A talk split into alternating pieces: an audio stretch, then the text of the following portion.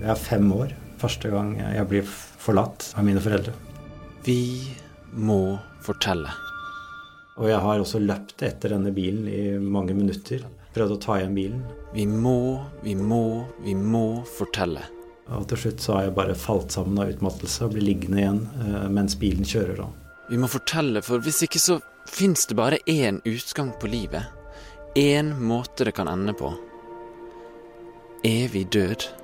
Norsk Luthersk Misjonssamband er Nord-Europas største kristne misjonsorganisasjon. I over 100 år har de finansiert misjonærer til tre kontinenter. Jeg er Øystein Stene, forfatter som har vokst opp i Misjonssambandet.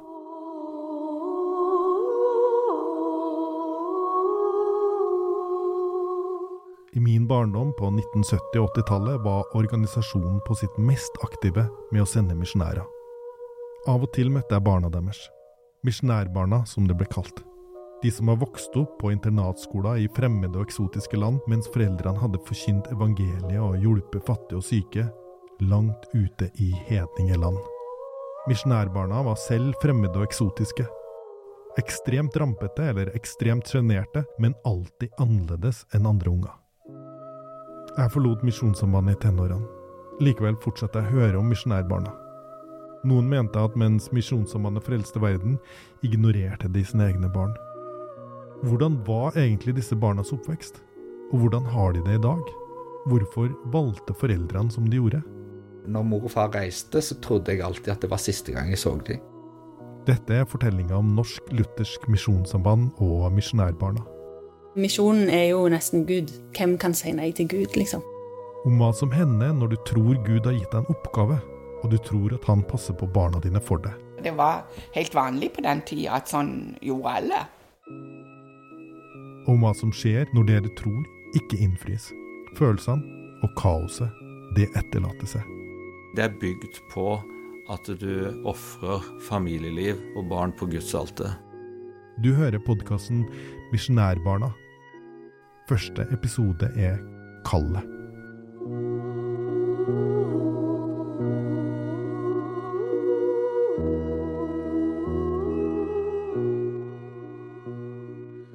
Kan kalle meg Mzungu. M-z-u-n-g-u. Mzungu. Det kommer vel helt tilbake til Livingston, tror jeg. Når afrikanerne så hvite. Det er, det er slenguttrykk for hvit mann. Det er jo egentlig nesten litt rasistisk, på en måte, men uh, det var det de ropte etter oss i Arsdal når vi kjørte gjennom landsbyer og sånn. Dette er en gründer i slutten av 40-åra som bor og arbeider i Oslo. Jeg møter han i resepsjonen til bedriften han har bygd opp. Han er en flott mann, veltrent, har et fast håndtrykk og et klart blikk. Mannen er et misjonærbarn. Jeg har hørt om han fra flere hold, og etter noen mail- og telefonsamtaler er han villig til å ta en prat. Men han ønsker å beskytte de i familien som fremdeles er en del av Misjonssambandet. Derfor blir vi enige om å kalle han Musongo. Hvis jeg um, hadde stått frem med navn, så er jeg redd for at min mor f.eks. ville blitt uh, fryst ut, uh, eller kunne fått utfordringer med hennes relasjon til venner og misjon. Den risikoen er ikke Den sitter så dypt i meg at den er jeg ikke villig til å ta, selv om jeg egentlig ikke har skylder henne noe, for å si det sånn. Jeg har tro på prosjektet ditt, og fordi at jeg tror det kan komme andre til gode. Og så håper jeg at det kan være en tankevekker å få i gang noen prosesser i NLM. NLM er en forkortelse mange bruker på Norsk Luthersk Misjonssamband. Eller Misjonssambandet, som jeg primært vil bruke her.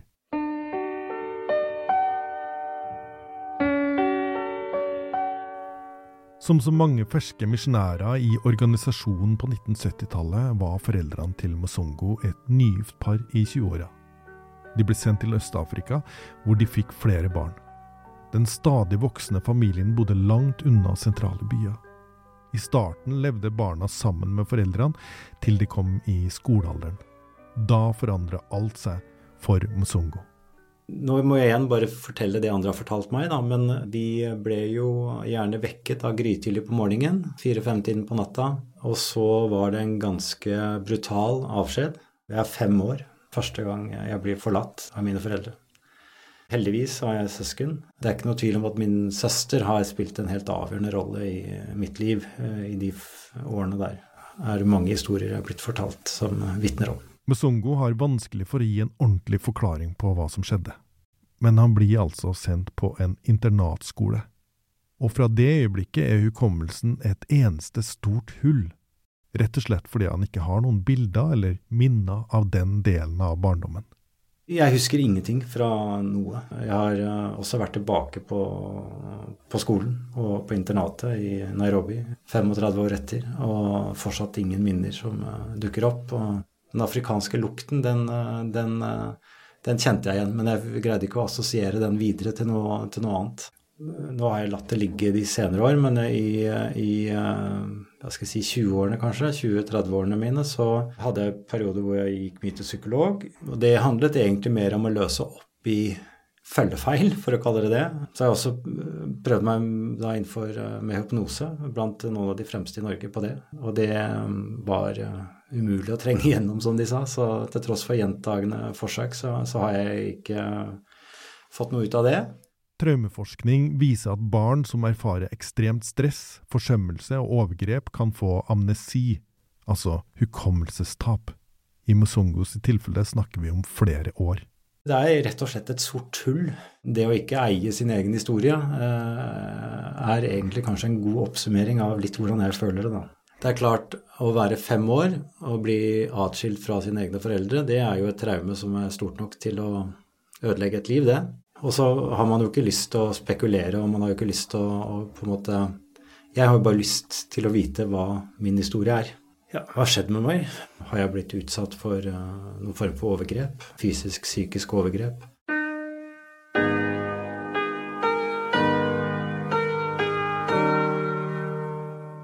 Internatskolen Mosungo gikk på, ble drevet av Norsk Luthersk Misjonssamband og var primært for misjonærbarn. Ordninga med internatskoler har opp til vår tid vært vanlig for misjonsorganisasjoner, og Misjonssambandet er den største av alle. Mange foreldre var stasjonert i områder der det ikke fantes kristne. Det kunne gjerne bety en dagsreise eller to unna, der det ikke eksisterte moderne infrastruktur. Og det var heller ingen enkel reise. Normalt foregikk den med jeep på dårlig vedlikeholdte veier, som i regntida i verste fall kunne bli helt uframkommelige. Men ingenting av dette husker Musongo. Jeg har jo blitt fortalt da eh, fra først og fremst min søster, som jo eh, var noen år eldre enn meg, og som var den som tok vare på meg. Men jeg delte rom med tre andre. Noen av de ble ganske jevnlig sendt uh, lista seg inn til uh, søsteren min og hennes rom og sa at uh, nå gråter han igjen, du må komme inn. Så kom hun inn. Så har hun da fungert som min foreldre på en måte. så har hun eh, fått meg i seng, men så Hun er kanskje ti år. Ni-ti år. Så har hun måttet ta den lange veien tilbake til sin seng, og der var det ingen. Igjen, jeg, jeg vet jo ikke om dette er om dette er noe som har skjedd én gang, eller om det skjedde en gang i uka, eller om det skjedde annenhver dag. Det, det vet jeg ikke.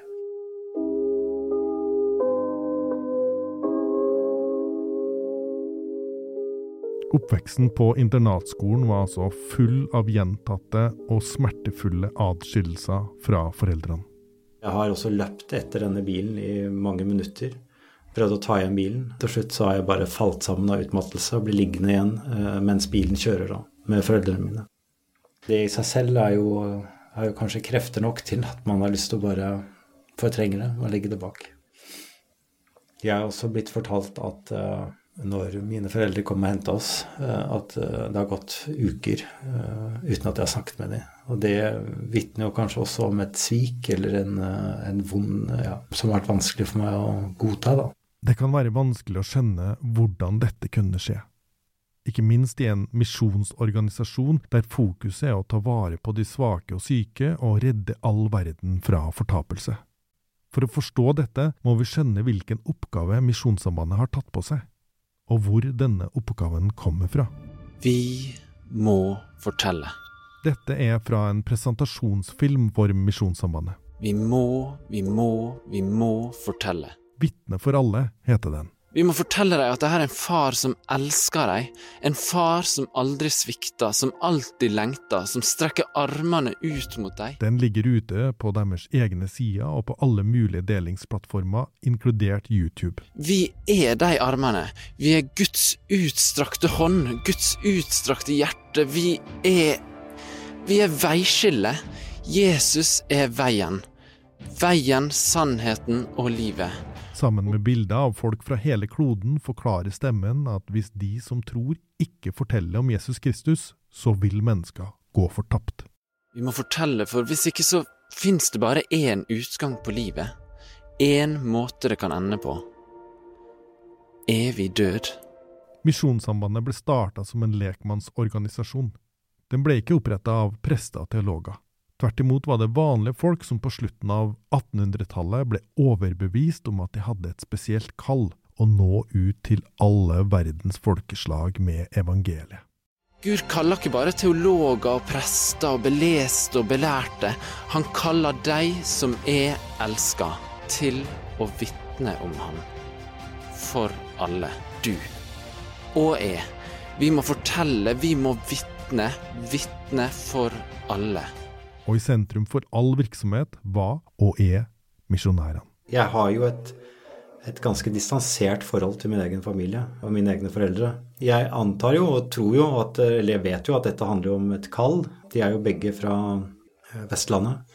Vokst opp med klassisk eh, misjon og, og bedehuskultur, eh, hvor eh, det å bli misjonær det, det var jo noe av det største man kunne bli. da. Det var jo heltene i lokalsamfunnet. Det var liksom Misjonærene ble sett opp til. Det var liksom de tøffe, de som forlot alt og satsa alt og ja.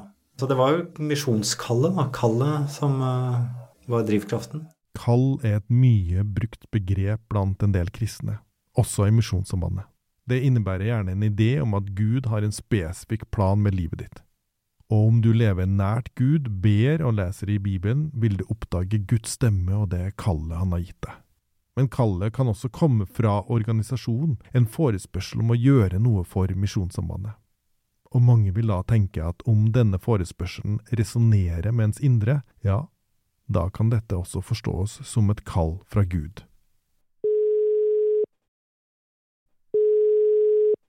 Hallo, Øystein. Hei, Endre. Eh, har du noensinne ja. tenkt at du burde bli misjonær? Ja, eh, flere ganger. Mange ganger. Dette er broren min, Endre Stene. Jeg vet første gang jeg har en minnelse om at jeg tenkte det. Og det var når jeg var åtte-ti år, tipper jeg. Jeg var sammen med et eh, eldre ektepar som vi kjente, og så spurte mannen hva har du tenkt å bli når du blir stor? Eller jeg svarte jeg vet ikke, men inni meg så tenkte jeg at det var misjonær jeg tenkte å skulle bli, men jeg tørsa ikke å si det. For det var på en måte en altfor stor ting å si at jeg skulle bli. I ganske ung alder ble jeg veldig opptatt av alt det som var litt forbudt i min oppvekst, sånn som rock og romaner og filmer. Mens Endre holdt blikket på Gud og evangeliet, fløy mine assosiasjoner helt andre steder. Hvorfor var det en stor ting å si? da? For det å bli misjonær var på en måte en sånn en litt sånn utenkelig tanke at det var noe jeg bare kunne bli. Det, var, det, det knytta opp til Gud og til kall og til sånne store gjerninger som ikke lille meg kunne tenke at jeg kunne gjøre. på en måte. For meg så var eh, misjonærene eh, litt sånn Indiana Jones, hvis du skjønner hva jeg mener. Setter seg fast i bushen med jeepen, og så må de gå eh, mange mil til de finner en stamme Ja. som kan hjelpe dem videre. Og så bruker de den anledningen til å bære sivilisasjonens lys og Bibelen ut til disse folkeslagene som Ja. aldri har Ja. hørt om Gud, og som driver med Ja. heksekunst og, og, og tilber stein og stokk. En veldig sånn, sånn, sånn type eventyrfigur. ja, litt. Ja. litt det, Ja. det er sånn jeg tenker litt tilbake på disse misjonærfilmene som vi så på bedehusene og sånt, ja. Jeg distanserte meg tidlig fra Misjonssambandet og ble etter hvert forfatter. Men broren min, han ble vernet. Han ble barne- og ungdomsleder, kretsleder, pastor, bibelskolelærer. Er det liksom oppgaver som du på samme måte som en misjonær vil tenke har liksom vært kall? Har du forstått det sånn? Uten tvil. Og det har vært kall fra Gud, liksom? Ja, sånn har jeg nok eh, kjent det og tenkt om det, ja. Mm. Så jeg har på en måte levd i den, i den, overvi, eller i den overbevisning om at jeg ønsker å gå den veien Gud ønsker, den Gud, veien Gud, Gud kaller oss til. da. Forkynnelsen om kallet starter allerede på barneleirer og søndagsskole. Sanger forsterker den, som klassikeren Gud har en plan med ditt liv, av Misjonssambandets egen poet gjennom et halvt århundre, Trygve Bjerkreim. Som ung mann ble han inspirert til å skrive teksten etter å ha hørt en av organisasjonens store predikanter.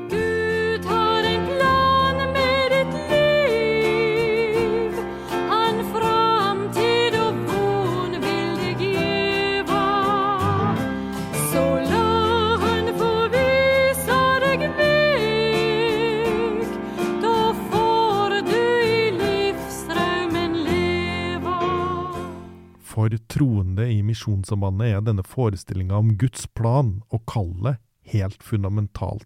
Det strukturerer organisasjonen, inkludert familielivet. Mesongo beretter at han og søsknene ikke fortalte hvordan de hadde det på internatskolen. Istedenfor beit de det i seg og led i stillhet. For eksempel så skrev vi jo brev. På den tiden var det jo ikke telefon og mobiler. og Da var det jo viktig å passe på at man ikke skrev ting for ille. For man ville jo ikke at foreldrene skulle ha det vondt. ikke sant? Og man ville jo at de skulle sitte med et inntrykk av at ting gikk bra. Mosongo beskriver en lojalitetskultur der alle virker innstilt på å beskytte kallet til å drive misjonsvirksomhet. Også barna. Vi var redde for konsekvensene, at dette kom rett og slett til å bety vanære. Kanskje vi ble sendt hjem. Jeg er helt overbevist om at dette var eh, satt i system og strukturert opp på en sånn måte at foreldrene skulle helst ikke se og bli skjerma fra at barna hadde det vondt, sånn at de kunne fokusere på misjonsarbeidet. Og så har foreldrene spilt en, en, definitivt en rolle, de også, men jeg tror også at foreldrene er også ofre oppi dette her. Det er noen mennesker som har visst det, og man har også bevisst vært villig til å ofre uh, for den større saken. Det er jeg ikke i tvil om. Systemet og strukturen Musongo beskriver er relativt ny, selv om misjonstanken er gammel. Jeg kontakter Hans Åge Gravås, som selv har vært Misjonssambandets utsending i Etiopia og hatt flere lederstillinger i Norsk Luthersk Misjonssamband. Altså Den kristne kirkes misjon den har jo vart helt siden Jesu tid. Men i europeisk, og ikke minst i nordisk sammenheng, så er jo dette et nytt fenomen. Så kom jo demokratiseringen av det norske samfunnet. Og utvidelse av frivilligheten på 1800-tallet. Så ble det også til organisasjoner som hadde som et bestemt mål å drive nødhjelp eller misjon. Inspirasjonen til Misjonssambandets misjon kom fra mange steder. Fra den haugianske vekkelsa, fra pietismen, men også fra baptistisk tenkning om å drive misjon blant kinesere, som ble regna som den største folkegruppa som enda ikke var nådd med det kristne budskapet.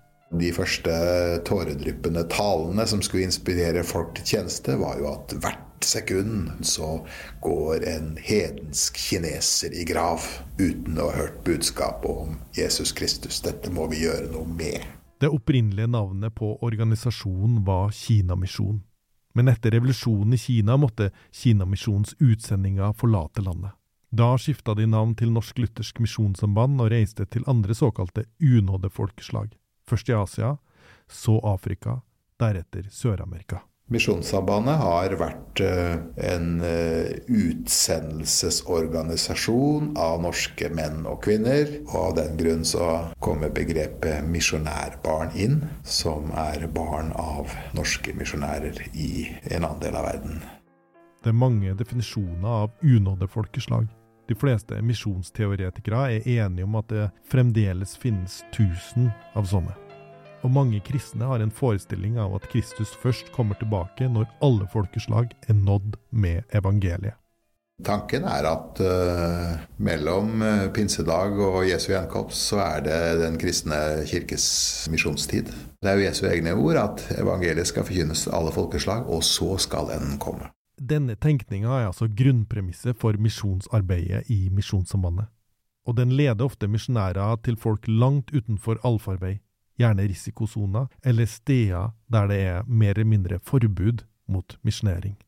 Organisasjonens medlemmer er kalt til å forkynne før Kristi komme, noe som har vært preka fra alle Misjonssambandets talerstoler, som her på generalforsamlinga i 1979. Og så har Gud en plan med hvert enkelt menneske, også med deg, om du ennå ikke har gitt ditt liv til ham, eller funnet din plass i arbeidet. Vi er nemlig alle medansvarlige for dette ene, at evangeliet om syndenes forlatelse når ut til alle folkeslag.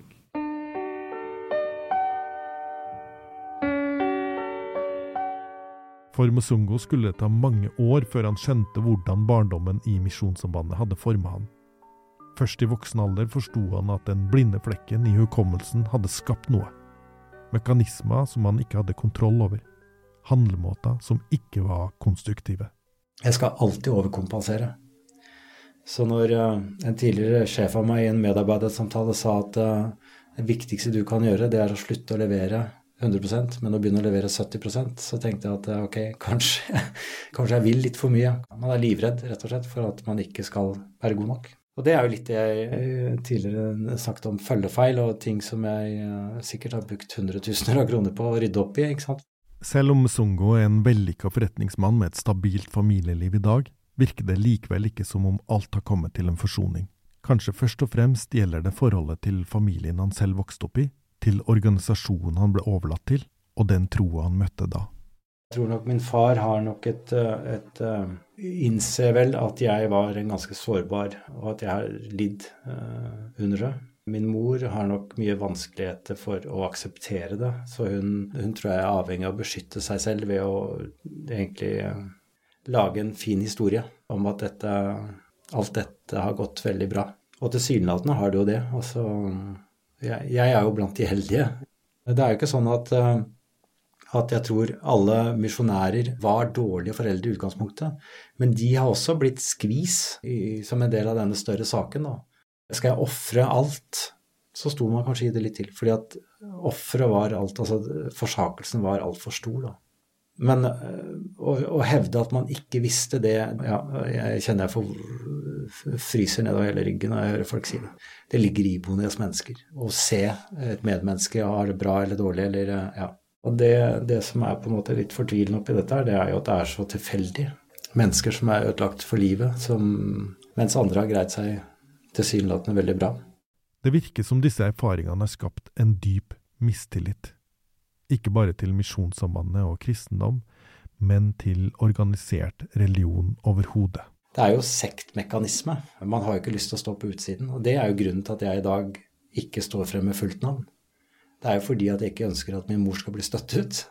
Ironisk nok, men eh, selv eh, i dag, 45 eh, år etterpå, så beskytter jeg min egen mor, som ikke har gjort én ting for å beskytte meg. Og det sier kanskje litt om de kreftene som er, er i det. da så blir det dessverre for mange eksempler på at religion ødelegges og misbrukes. Eh, og det kan man kanskje si også at i dette tilfellet her er at religion har jo Man har jo ofret eh, jeg vet ikke hvor mange barn på alteret til religion.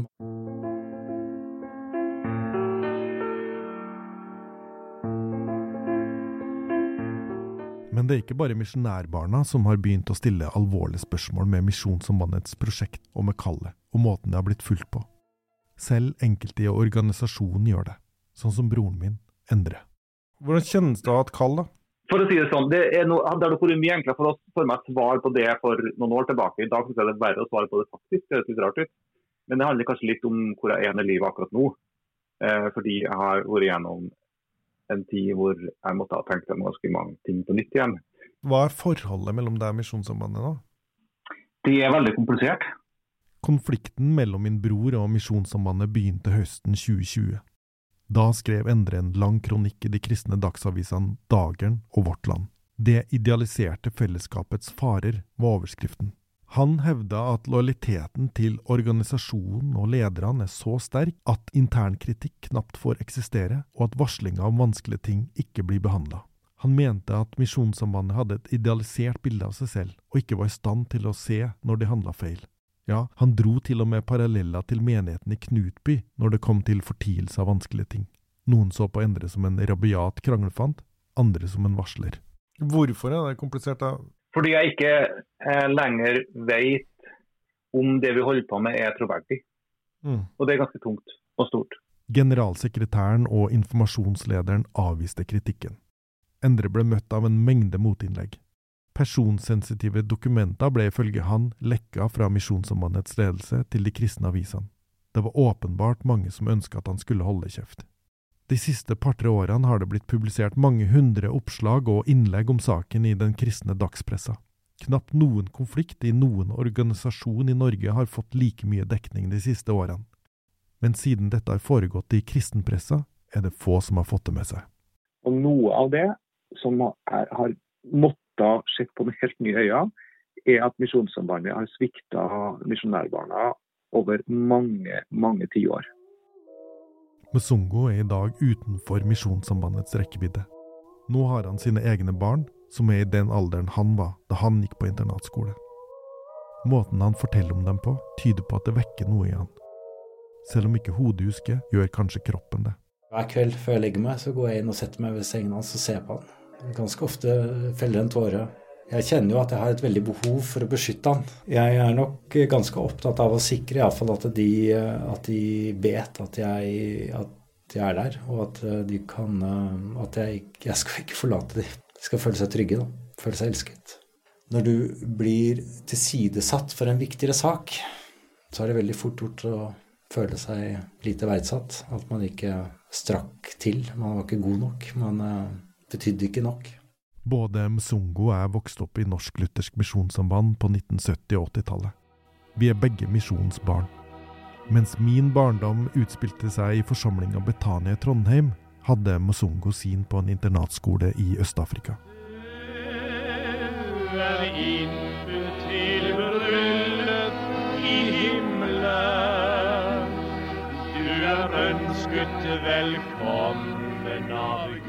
Mine foreldre ga 10% av sine inntekter til Misjonssambandet, så de kunne sende hans foreldre dit. Det var forsamlinga som den jeg vokste opp i, som gjorde strukturen mulig. Mens jeg hadde mine foreldre hos meg hver eneste dag, så han sine noen få ganger i året.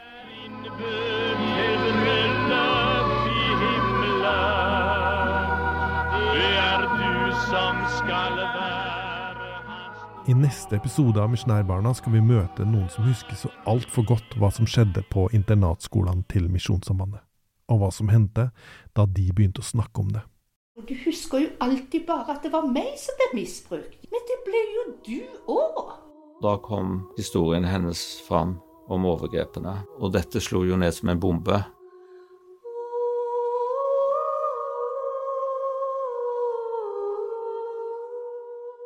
Du har nå hørt den første av i alt syv episoder om misjonærbarna.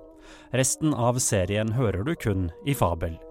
Gå til fabel.no for å starte ditt abonnement og lytte videre. Hvis du har erfart omsorgssvikt eller andre traumatiske hendelser i barndommen og trenger noen å snakke med, kan du ta kontakt med Mental Helse. Dette er en gratis hjelpetelefon som er åpen døgnet rundt, alle dager. Telefonnummeret er 116 123. Hvis du har oppvekst som misjonærbarn i Misjonssambandet og ønsker å snakke med andre, kan du ta kontakt med støttegruppa for misjonærbarn på sendtbort.no. Dette er en uavhengig og ikke-religiøs støttegruppe som arbeider for å sikre rettighetene for misjonærbarna som har vokst opp i Misjonssambandet.